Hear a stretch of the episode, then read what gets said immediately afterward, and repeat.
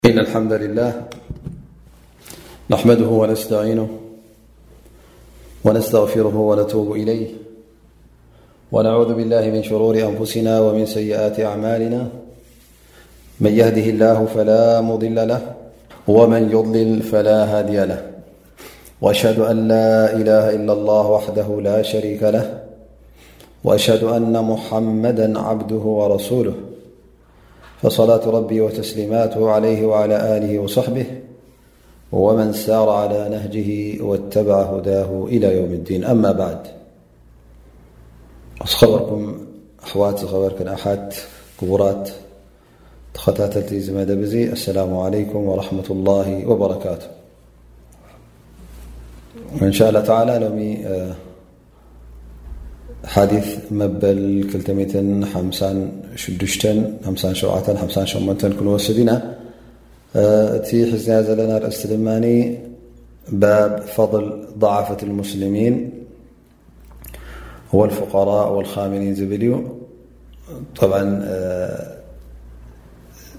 بافشوت ختاب ሸርሕ ርያድ ሳልሒን ናይ ሸክ እብኒ ዑሰይሚን ን ኢና ንወስድ ዘለና ግን ኣብ ውሽጡ ዘላ ርእስቲ ብዛዕባ እቶም ድኻታትን ሰነፋትን ድኹማትን ዝኾኑ ኣስላም ናቶም ክብረትን ናቶም ልዑልነትን ዝጠቅስ ኣገዳስነትን ዝጠቅስ ሓዲስ ኢና ክንወስድ መጀመርያ ሓዲ መበል 256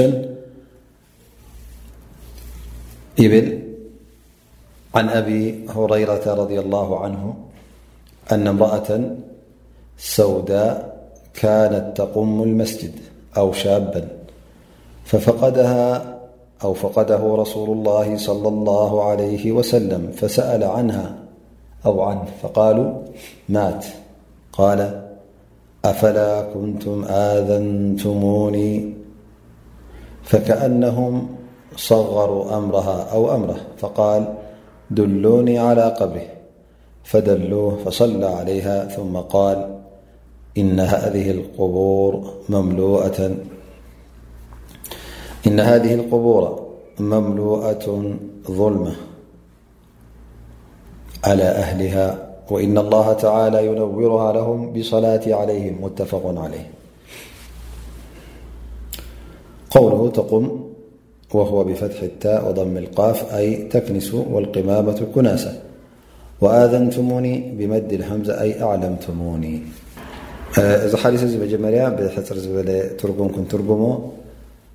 ይብል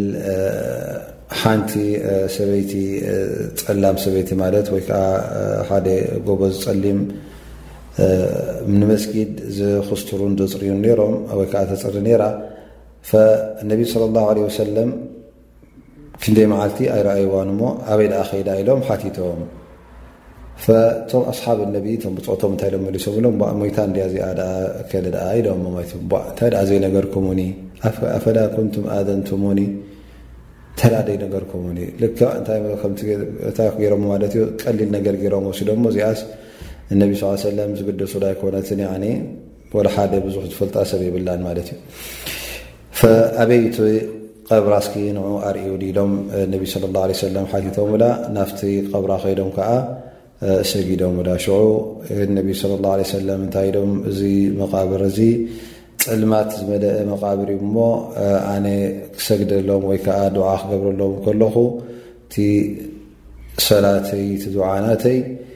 የብርሃሎም እዩ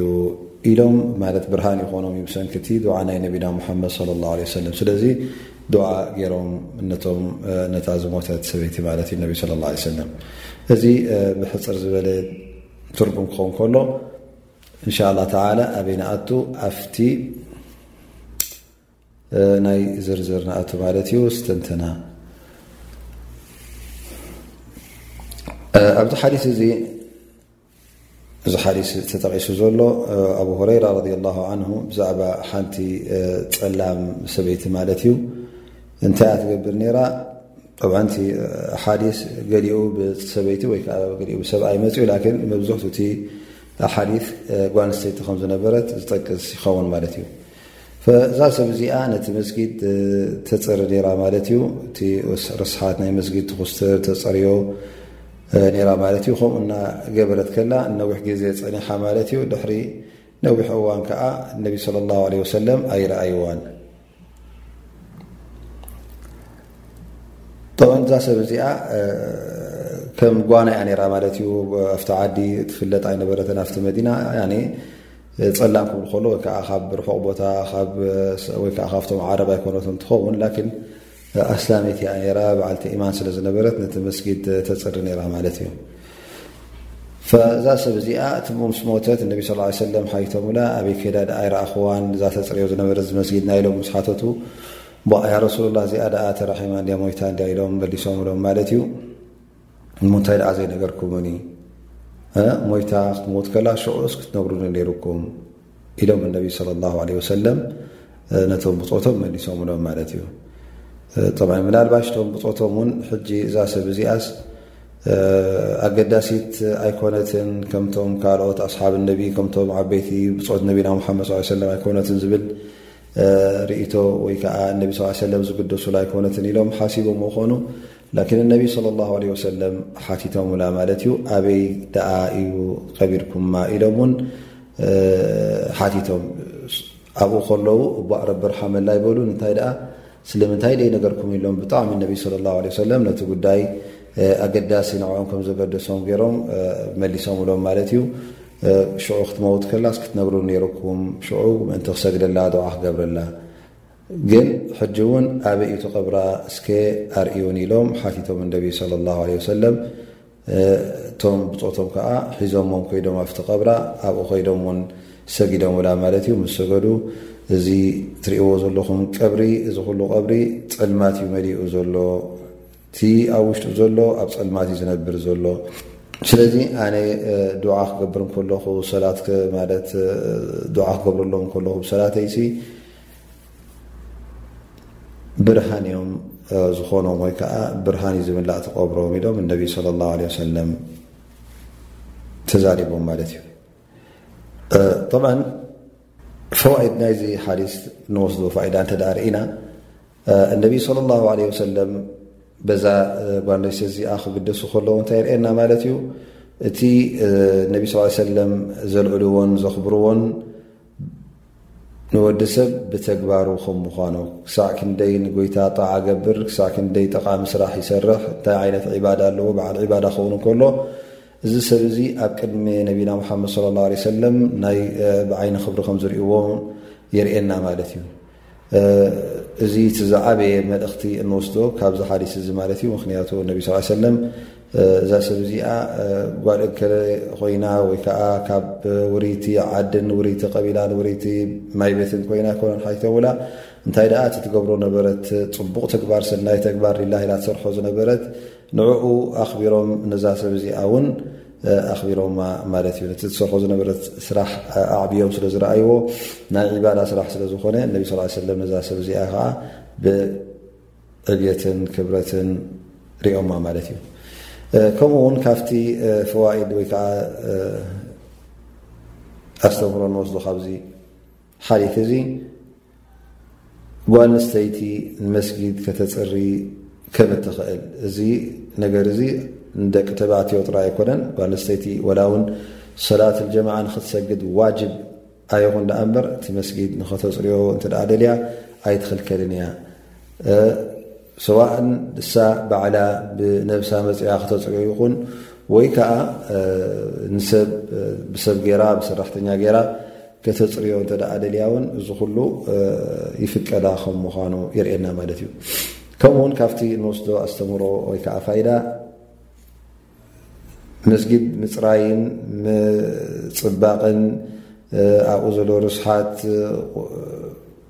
ጓሓፍ ኩሉ ንኸተውፅኦ እዚ ነገር እዚ ኣብ ሽርዒ እስልምና ፍቱው ከም ምዃኑ ኣድላይ ከም ምዃኑ ኣላ ስብሓን ወተላ ይፈትዎ ከም ምዃኑ እውን የርእየና ማለት እዩ ብነቢ ለ ላሁ ለ ወሰለማ የቁል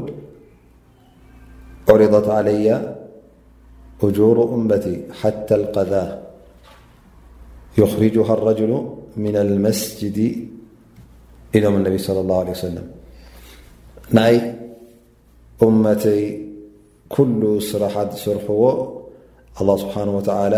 ኣርእዩኒ እዩ ወላ እታ ንእሽተይ ንጋፍ ካብ መስጊድ ዘውፅኣ ንመስጊድ ደፅርያ ሰብ እንተ ንጋፍ ኣላ ኮይና ወይ ከዓ ዝኾነት ርስሓት ኣውፅኢካ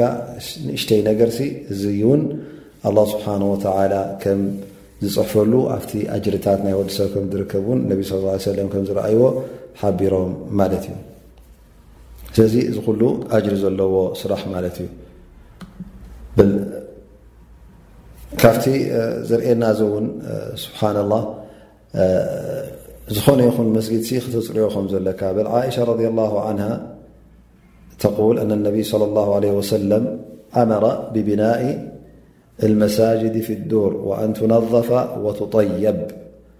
ነቢ ስ ሰለም ወላ ውሽጢ ገዛውትኻን ኣብ እቲ ዘለኻዮ ቦታን መሳጊድ ክነደቕ ክትሰግደሉ ምእንቲ ኣዚዞም ዮም ነቢ ለ ላ ለ ወሰለም ክፅርን ክጥዑም ጨናን ዕጣንን ክትከኸሉ እዚ ነገራት እዚ እውን ኣዚዞም እዮም ነቢ ለ ላ ለ ወሰለም ስለዚ ፅሬት ናይ መስጊድ ኣድላይ እዩ ጨንኡ ጥዑም ጨና ክህልዎ ሙኡዝ ጨና ክህልዎ ቅዱይ ክኸውን እዚ ነገር እዚ ኣድላይ እዩ ማለት እዩ ግን ካብ ምንታይ ክንጥንቀቕ ኣለና መሳጊድ ሲ ናይ ካብ ኣብ ምፅባቕ ሓሊፍካ ንመልክዕ ኢልካ ዝግበር ናይ ምፅራብን ናይ ምኹዓትን ገደሜታትን ክህልዎ የብሉን ማለት እዩ። ምኽንያቱ እንተ ናይ ስእልን ናይ ምፅራብን ናይ ካልእ ነገራት ብልጭልጭ ነገራት እተ ኣትዎ ነቶም ዝሰግዱ ዘለዉ ንገዛ ርእሶም ኣብ ክንዲ ንሰላቶም ኣተኪሮም ዝግደሱ ናፍቲ የማን ፀጋም ዓዒንቶም ዝስሕቦም እተ ኮይኑ እዚ ኣይፍቀድን እዩ።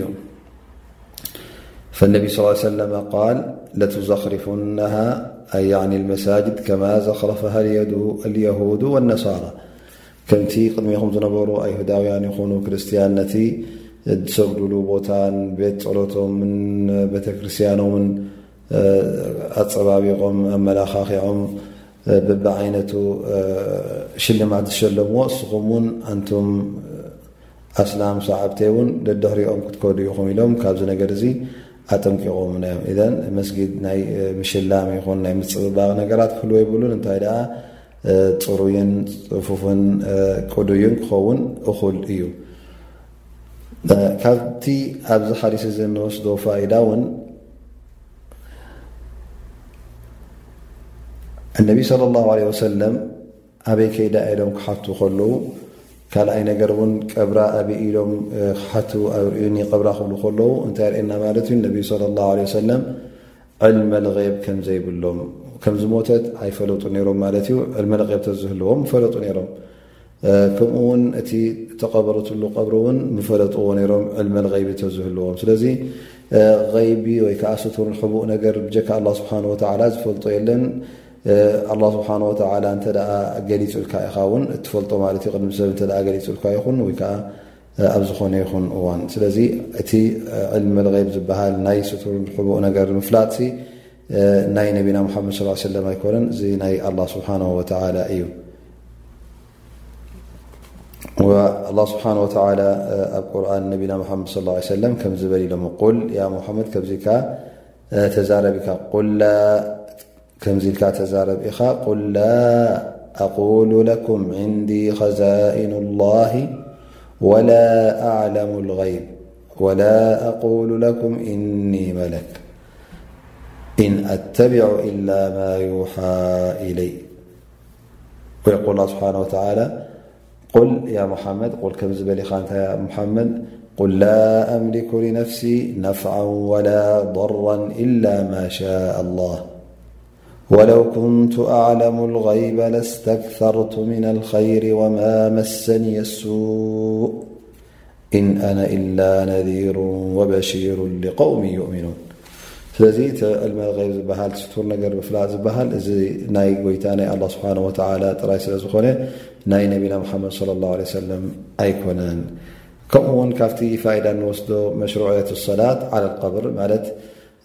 ሰላት ጀናዛ ክትሰግድ ከለኻ ገና እታ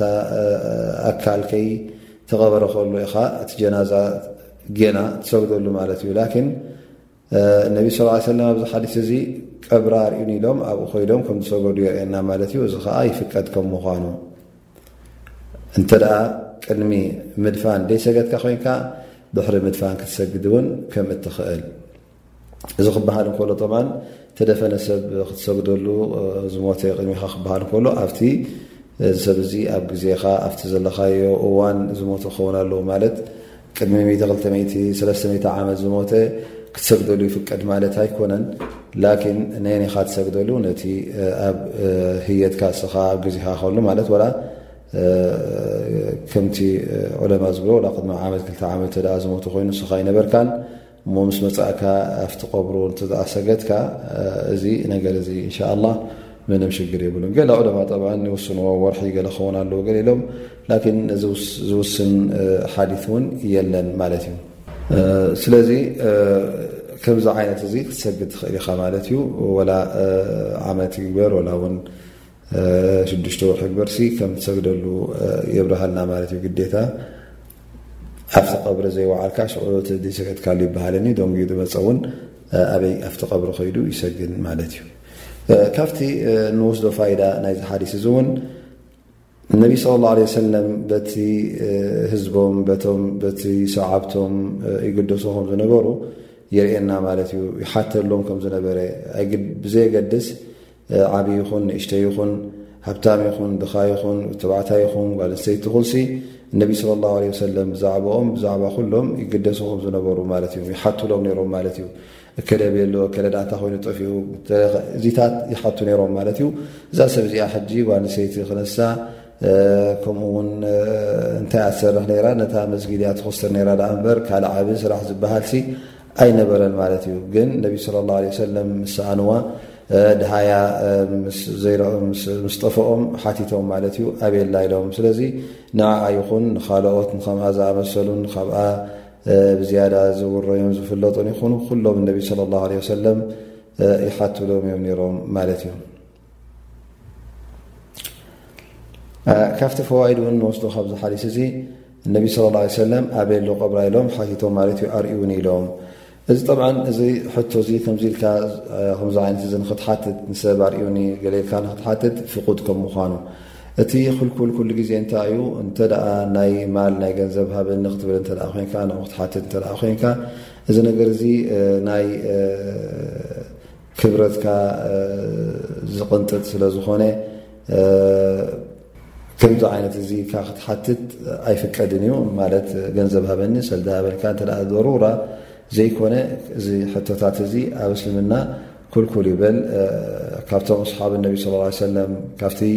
በይዓ ዝብዎ ዝነበሩ ብካነ ይባይዕ ኣስሓበሁ ዓላ ኣላ የስኣሉ ናሳ ሸይኣ ፈፂሞም ንሰብሲ ወይ ከዓ ካብ ሰብ ገለ ትፅቢት ንኸይህልዎም ነቢ ስለ ላ ለ ሰለም ውዕል እተው ለ ኢሎም ነቶም ብፆቶም እውን ይዛረብዎም ነይሮም እዮም ካብቲ ፋይዳ ንወስዶ ካብዚ ሓዲስ እዚ እውን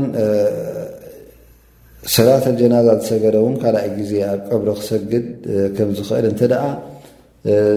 ካልኦት ሰባት ዝሰግዱ ርእዩ ማለት እዩ ንኣብነት እቶም ሕጂ ኣብዚ ሓዲስ እዚ ነቢ ስ ሰለም ኣብ የሎ ቆብራ ኢሎም ኮይዶም ኣብኡ ሰጊዶም ማለት እዩ ኣብኡ ምስ ከዱ እዞም ምስኦም ዝኸዱ ብፆቶም እውን ምስኦም ሰጊዶም ክኾኑ ስለ ዝኽእሉ እሞ ሓደ ሰብሲ ኣብ መስጊድ ኮይኑ ኣብ ጌና ከይተቐብረ ከሎ ነዚ ሰብ እዚ እንተ ሰጊድካሉ ዳሕራይ ኣብቲ መቃብር ምስ ከድካ ድሕሪ ምድፋን እውን ደይሰገዱ ነይሮም ኣብ መስጊድ ኣብኡ ክሰግድሉ ምስ ረኣኻዮም ምስኦም ኣቲኻ እተ ሰጊድካ እውን ምንም ሽግር ከም ዘይብሉ እዚ ምድጋሚ እዚ ምንም ሽግር ከም ዘይብሉ ይርእየና ማለት እዩ እዚ እቶም ገለ ዑለማ ዝረኣዮማት እዩ ምክንያቱ ከምቲ ኣብ ፈሪላ ሰላት ፈርዲ ክኸውን ከለውን እስኻ እንተ ሰጊድካ ነርካ ድሕራይ መፅእካ ሰብ ክሰግድ እንተ ፀኒሑካ ብንያ ናይ ሱና ተኣቱ ምስኦም ትሰግድ ማለት እዩ ምንም ሽግር የብሉን ደጊምካያታ ሰላት ከም እንደገና ላኪን ከም ሱና ትቁፅረልካ ማለት እዩ ፈላ ሓረጃ ኢሎም እዚ ነገር እዚ ብጣዕሚ ዘሰሓሕብ ኣይኮነን እዚ ሰላት ጀማዓ ረኺበልካ ሰበብ ስለ ዝኾነ እዚ ምስቶም ጀማዓ ንክትሰግድ ፅቡቕ ይኸውን ማለት እዩ ክሰግድ እውን ዝያዳ ር ወሲኽካ ማለት እዩ ክሰግድ ከለካ ጣብዓ ከምቲ ግቡእ ኣብ መንጎካ ብ መንጎ ቂብላ ትገብሮ ማለት እዩ ነቲ ምዉት ከምቲ ኣብ ሰላት ጀናዛ ትሰገድ ኣብ ቅድሚካ ጌርካ ትሰግደሉ ነዚ እውን ኣብ መንጎካ ናብ መንጎ ቅብላ ገርካ ትሰግደሉ ማለት እዩ እዚ ሓዲ መበል 256 ይኸውን ካብኡ ናበይ ንሓልፍ ናብ ሓዲ መበል 257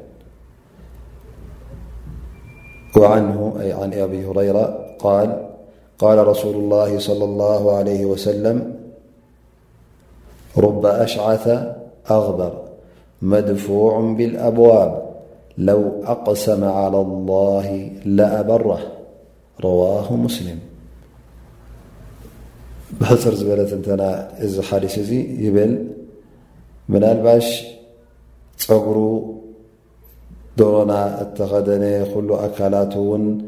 ብዶሮና እተመለአ ካብ ኣፍ ደገታት ዝስጎግ እዚ ሰብ እዚ እንተዝምሕል ነይሩ ምናልባሽ ኣላ ስብሓን ወተዓላ ታማሕልኡ ኣብ መሬት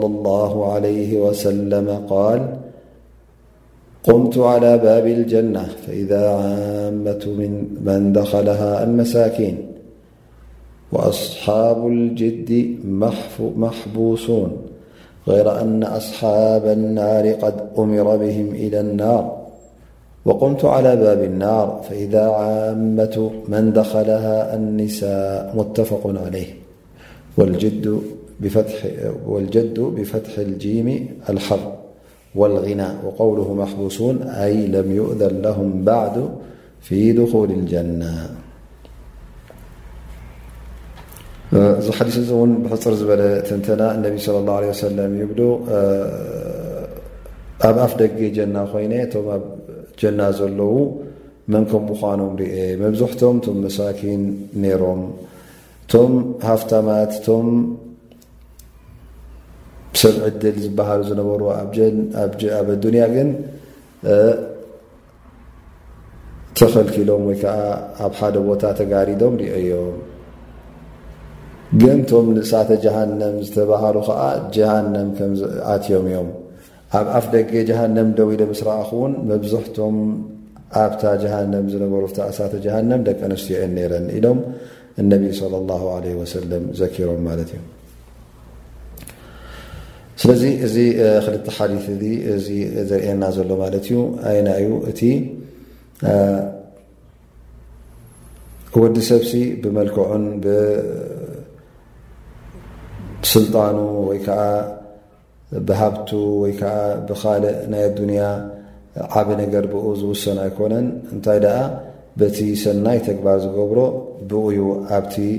ናይ ኣኼራ ጉዳይ ናብቲ ፍቶት ኣላ ስብሓን ወተዓላ ዝበጽሕ ፈቲ ሩብ ኣሽዓተ ኣግበር መድፉዑን ብልኣብዋብ ለው ኣቅሰመ ዓላ ላሂ ለኣበራ ዝተባሃለ ኣሽዓት ክበሃል እንከሎ ሕጂ ብቋንቋ ዓረብ ፀጉሩ ዘይተመሸጠ ፀጉሩ ዘይተኸናኸኖ ሰብ ኣብኡ ከሎ ክገድፎ ከሎ ሕጂ ኣሽዓት ይበሃል ማለት እዩ ከምኡ ውን ዘይቲ የብሉ ወይ ከዓ ዝኾነ ይኹን ክሬም የብሉ ኣብኡ ከሎ ጥራይ ምስ ደሮንኡ ከይተመሸጠ ኣብኡ ከሎ ዝተርፍ እዚ ኣሽዓት ይበሃል ማለት እዩ እንታይ ዘርእየና ከምኡ ውን ኣበር ይብለካ ማለት እዩ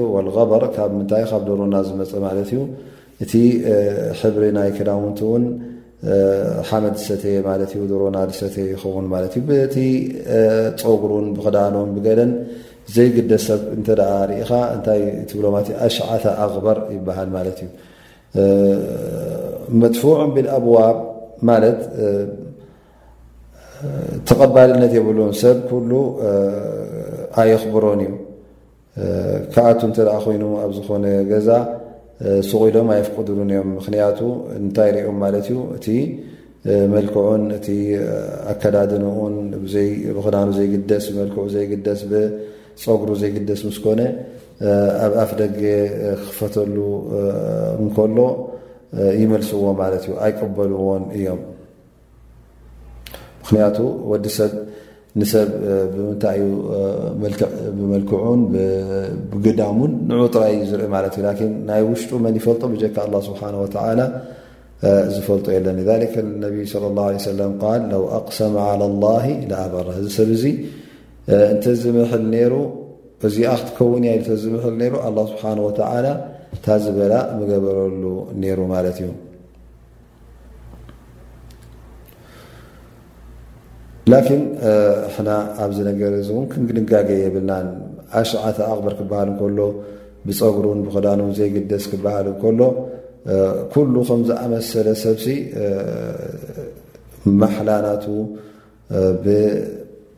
ቅቡል ወይ ከዓ ማሕላ ናቱ ኣላ ስብሓን ወተዓላ ክምልኣሉ እዩ ወይ ከዓ ይምልኣሉ እዩ ዝበልናዮ ብናይ መልክዑ ኣይኮነን ብደሮና ዝሰተየ ክዳንን ብፀጉሩ ዘይተሰርሐን ዘይተመሸጠን ዘይተዓረየን ብኡ ይኮነን እንታይ ደኣ እዚ ሰብ እዚ እቲ ሚዛን ናይ ሰብ እዚ ተቕዋ ዘለዎ ፍርሓት ረቢ ዘለዎ በዓል ር ክኸውን ከሎ ከመ ቃል ስብሓን ወተዓላ እና ኣክረመኩም ዕንዳ ላሂ ኣትቃኩም ተቒ ዝኾነ ፈራህ ረቢ ዝኾነ ንሱ እዩ ላኪን ጠብዓ እንታይ ዘርእየና ዘሎ ሰብ እዙ ሃሙ ናይ ኣዱንያ ዘይኮነስ ናይ ኣኼራ ስለ ዝኾነ ኩሉ ግዜኡ ኣብቲ ዒባዳ ስለ ዘሕልፎ እንታይ ተኸዲነ እንታይ ቀይረ እንታይ ለቢሰ ወይ ከዓ መልክዐይ ከመሎ ፀጉረይታ እዚታት ዘይሓስበሉ ኮይኑ ጥራይ ልቡ ኣብ ምንታይ ዘድሃበ ማለት እዩ ኣብቲ ናይ ዒባዳ ኣብቲ ረቢ ዝፈትዎ ነገራት ስለ ዘድሃበ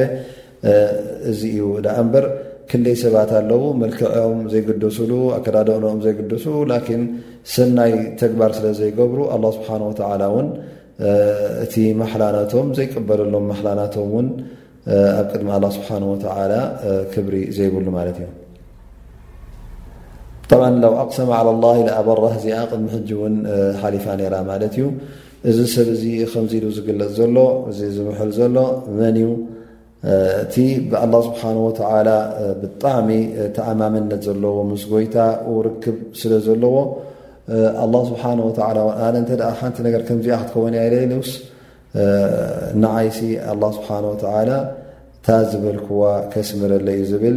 እምነት ዘለዎ ማለት እዩ ተኣማመነት ኣለዎ ብኣላ ስብሓን ወተዓላ ጠብዓ ከምዚ ዓይነት ክገብር እንከሎ ንዓመፅ ኹን ሕማቕ ተግባር ኣይኮነን ዝብል ኣብ ምንታይ ዳኢኻ ትረኽቦ ማለት እዩ ኩሉ ግዜ ኣብቲ ረቢ ዘፍቀዶ ነገራት ኢኻ ትረኽቦ ቅድሚ ሕጂ እውን ከም ዝበልናዮ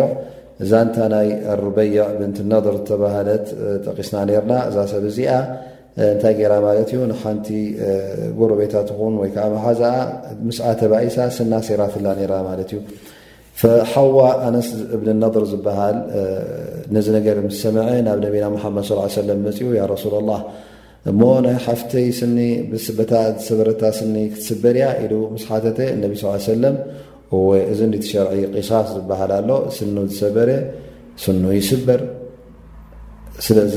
ሓፍትኻ እታ ስና እተደኣቶም ስኖም ተሰበሮም እንተ ይሰበር ኢሎም ስሓፍትኻ ውን ስና ክስበር ኣለዎ ኢሎም እነቢ ስለ ላ ለ ሰለም ምስ ነገርዎ እንታይ ብል ወላ እዛ ሓፍተ እዚኣ ስና ደይስበር ኢሉ ተዛሪቡ እዚ ክብል እንከሎ እንታይ ማለት እዩ እቲ ነገርሲ ኣላ ስብሓን ወተዓላ ፈረጃ ከውርደሉ ከም ምዃኑ ተኣማምነት ስለ ዘለዎ ማለት እዩ እምበረይ ነቲ ሽርዒ ናይ ኣላ ስብሓን ወተላ ነፂጉ ማለት ኣይኮነን እንታይ ደኣ ነቲ ጉዳይሲ መፍትሒ ክረኽበሉ እየ ወይ ከዓ ኣላ ስብሓን ወተላ መፍትሒ ክገብረለ ኢሉ ምሒሉ ማለት እዩ ወላ እዚ ነገር እዚ ከይርከብ ኢሉ ማለት እዩ ከምታ ዝበላ እቶም ስና ተሰቢራታ ዝነበረት ጓል ንሰይቲ እቲኦም እውን ምሒሮም ማለት እዩ ድያ ንክቕበሉ ወይ ከዓ ካሕሳ ንክቕበሉ ስና ከይተሰብረት ሓፍቲ እውን እታ ጉዳይ ሓሊፋ ማለት እዩ እዚ ከም ዝኸውን ከሎዩ ዳኣ እምበር እንተ እዚ ሰብ እዚ ክምሕር እንከሎ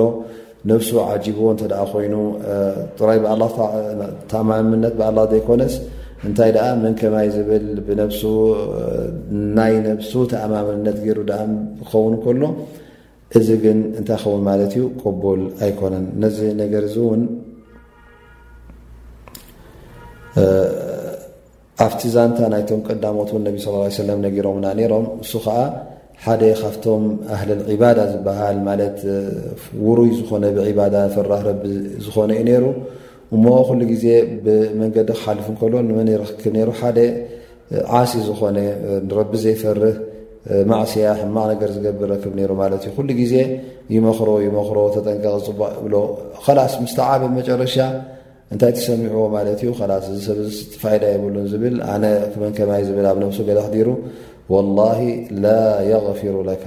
ኢልዎ ማለት እዩ እስኻስ ወላ ረቢ ንዓኻስ ኣይክምሕረካን ኢሉ ምሒሉ ማለት እዩ ኣላ ስብሓን ወተላ ናይዚ ሰብ እዚ እታ ኣብ ልቡ ዝነበረት ስለ ዝፈለጠ መን ዩ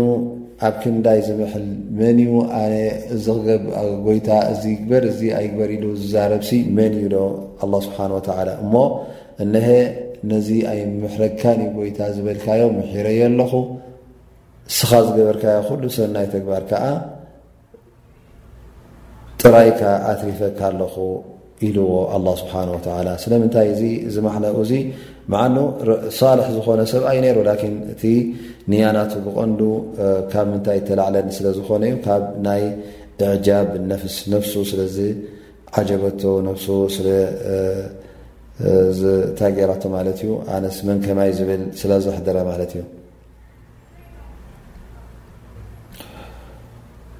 እቲ ካልኣይ ሓዲስ ሓዲስ ኡሳማ እብኒ ዘይድ ነቢ ስ ሰለም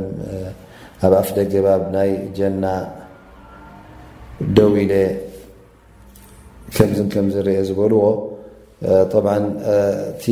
ኣህለል ጀና መን ከም ምዃኖም ዘርኢ ማለት ነቢ ስ ሰለም ኣብ ኣፍ ደገ ጀና ኮይኖም ምስ ረኣኹ መብዝሕቶም ወይ ከዓ ብሓፈሽኡ እቲ ሰብ ኣትዩ ዝነበረ ካብቶም መሳኪን እዩ ነይሩ ኢሎም ማለት እዩ ዳኑ ኣክተር መ የድክሉ ጀና ኣልፍቀራ እቶም መብዝሕቶም ጀና ዝኣትዉ መን እዮም እቶም ስኡናት ድኻታት ዝነበሩ ማለት እዩ ማዕኑ ኣለዉ ሃፍተማት እውን ኣለዉ ርኹባት እውን ክኣትዉ እዮም ላኪን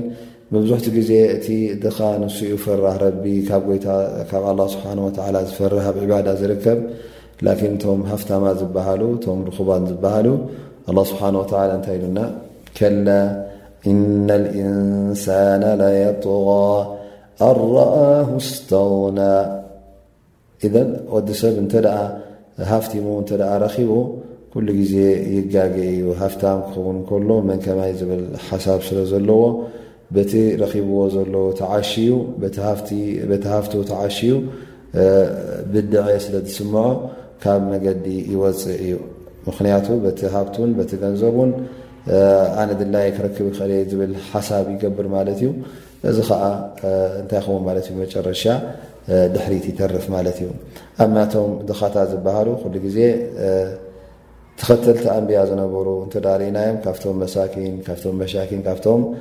ድኻታት እዮም ነሮም ማለት እዩ ኣላ ስብሓን ወተላ ሕጂ ነዚ ኣብ ጀና ኣብ ዮም ኣልቅያማ ክኸውን ከሎ ነዞም ድኻታት እዚኦም ሰዓብቲ ኣንብያ መጀመርያ ወንኦም ጀና የእትዎም ማለት እዩ እቶም ርኹባት ዝነበሩ እቶም ሰብ ዕድል ሰብ ሃፍቲ ዝነበሩ ግን ይጋረዱ ማለት እዩ ጀና ንኸኣት ውን ይድንጉዩ ማለት እዩ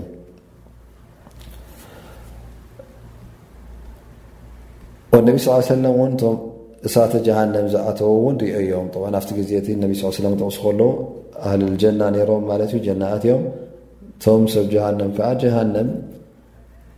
ኣትዮም ኣብ መንጎ ዝተረፉ ነይሮም መን እዮም እቶም ሃፍታማ ዝበሃሉ ጌና ጀና ንኸይኣት ተጋሪዶም ደንጉዮም ነይሮም ስለዘን ሰለስተ ዓይነት ኮይኖም ማለት እዩ ፈቶም ሃፍታማት ሙእሚኒን ጌና ግዜኦም ስለ ዘይኣኸለ ቀዳምነት ንመን ተዋሂቡ ነቶም ድኻታት ንሶም ኣትዮም ማለት እዩ ነቢ ስ ሰለም ኣብቲ ኣፍ ደገ ናይ ጀሃነብ ን ደው ኢለ መን ከም ዘለ ውሽጣ ናይ መን ከም ምዃና ተዓዚበ እየ መብዝሕተን ኣብኡ ዝረኸብክዎም መብዝሕተን ደቂ ኣንስትዮ እየን ነረን ኣክተሩ መን የድክሉ ናር ኒሳ መብዝሕቶም ጀሃነብ ዝኣትዋ ደቂ ኣንስትዮ ከም ምዃኖም እውን ኣብኡ ርየ ምኽንያቱ እዘን ደቂ ኣንስትዮ እዚአን ኣብ ብዙሕ ጌጋ ስለ ዝወጥቃ ሓታ ነቢ صለ ላ ለ ሰለም ኣብቲ መዓልቲ ዒድ መፂኦም ኹጥባ ንበይነን ምኽሪ ንበይነን ዝሃብዎን እንታይ ኢሎም ያ ማዕሸር ኒሳ ተሰደቅን ወለው ምን ሑልይኩን ፈኢነ ኩና ኣክሩ ኣህሊ ናሪ ፈኢነ ኩና ኣክሩ ኣህሊ ናር እንታይ ኢሎም ነቢ ስ ሰለም ኣንትን ደቂ ኣንስትዮ ዘበልክን ሰደቓ ኣውፅኣ ኢኽን ወላ ውን ካብቲ ሽልማትክን ይኹን ምኽንያቱ መብዝሕቶም ጀሃንም ዝኣትዉ ንስኽን ኢኽን ኢሎም ነቢ صለ ላሁ ለ ወሰለም ሽዑ እውን ተሓቲቶም እዮም ቃሉ ያ ረሱላ ሊማ ስለምንታይ ንሰን በዚሓን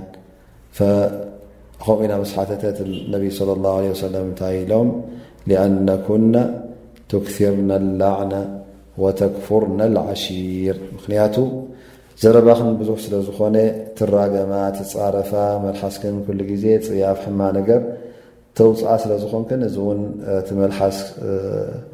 ክንተሓሰበሉ ስለ ዝኾነ ጸብጻብ ስለ ዘለዎ ነዚ መልሓስ እዚ ብዙሕ ጌጋታት ስለ ትፍጽማ እዚ እቲ ሓደ እዩ ካልኣይ እውን ቃል እነቢይ ስለ ላሁ ለ ወሰለም ወተክፍርና ዓሺር ክፍራን ዓሺር ዓሺር ወመን እዩ ሙዓሽር ዞጅ ሰብኣያ ማለት እዩ ሙሉእ ዕድሚኡ ፅቡቕ እናገበረላ ከሎ እንተ ሓንሳ ሓንቲ መዓልቲ ተጋግዩ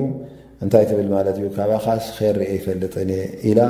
ትኽሕዶ ማለት እዩ ክሒዳ ስለ ዝኾንክን እዚ እ ጠንቂ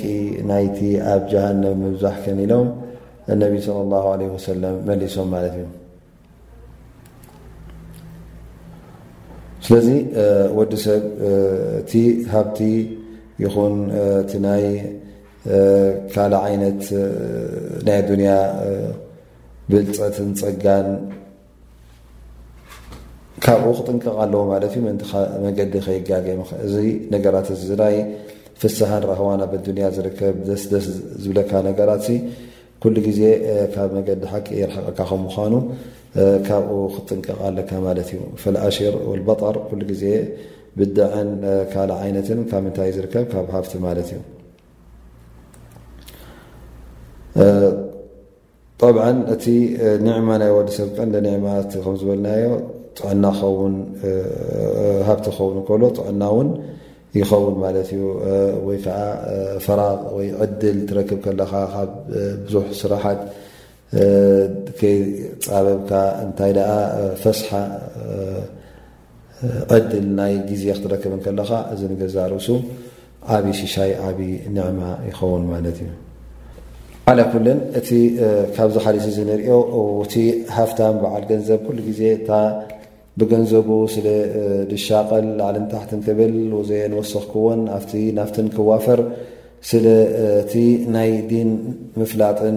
ናይ ዒባዳ ስራሓትን ዝሓልፎ ኩሉ ግዜ እቶም ድኻታት ዝበሃሉ ዝነበሩ ንሶም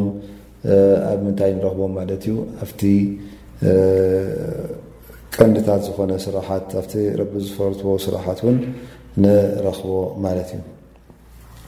ስለዚ ካብዚ ፊትና እዚ ካብዚ ፈተነ እዚ ኩሉ ግዜ ሸይጣን ክንዕወዝ ኣለና ናብ ኣላ ስብሓን ወተላ ክንሃድም ኣለና ናብ ጎይታ ክንዕቆብ ኣለና ማለት እዩ ምክንያቱ እዚ እተኣ ዘይተዓቆብና ምናልባሽ ኣብ ጌጋ ክንወድቕ ስለ ንኽእል ናይ ሎም መዓልቲ ደርስና እንሻ ላ